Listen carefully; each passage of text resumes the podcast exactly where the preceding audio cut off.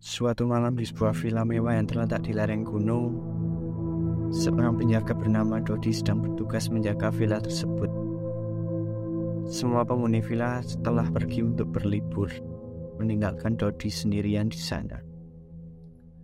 Dodi tidak takut karena ia sudah terbiasa menjaga villa tersebut selama bertahun-tahun. Namun, saat tengah malam, Dodi merasa ada yang aneh di villa tersebut suara langkah kaki yang berat terdengar dari luar ruangan. Dodi berusaha untuk mengabaikan suara tersebut, tetapi ia tidak bisa menahan rasa ketakutan yang semakin memuncak.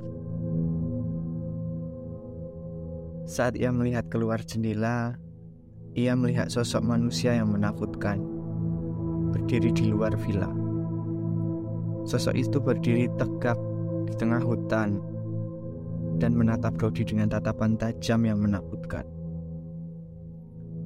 Dodi mencoba untuk tidak memperdulikan sosok itu, namun ia semakin takut saat suara langkah kaki semakin dekat. Dodi mencoba untuk berbicara kepada sosok itu, namun sosok itu tidak merespon.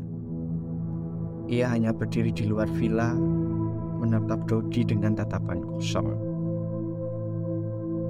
Dodi mencoba untuk keluar dari villa, tetapi pintu telah terkunci dari luar. Dodi merasa seperti terperangkap di dalam villa itu, dan ia tidak tahu apa yang akan terjadi selanjutnya.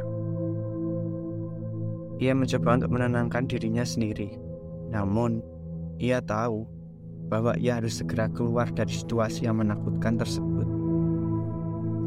Tiba-tiba, suara langkah kaki itu menghilang dan sosok itu juga tidak terlihat lagi.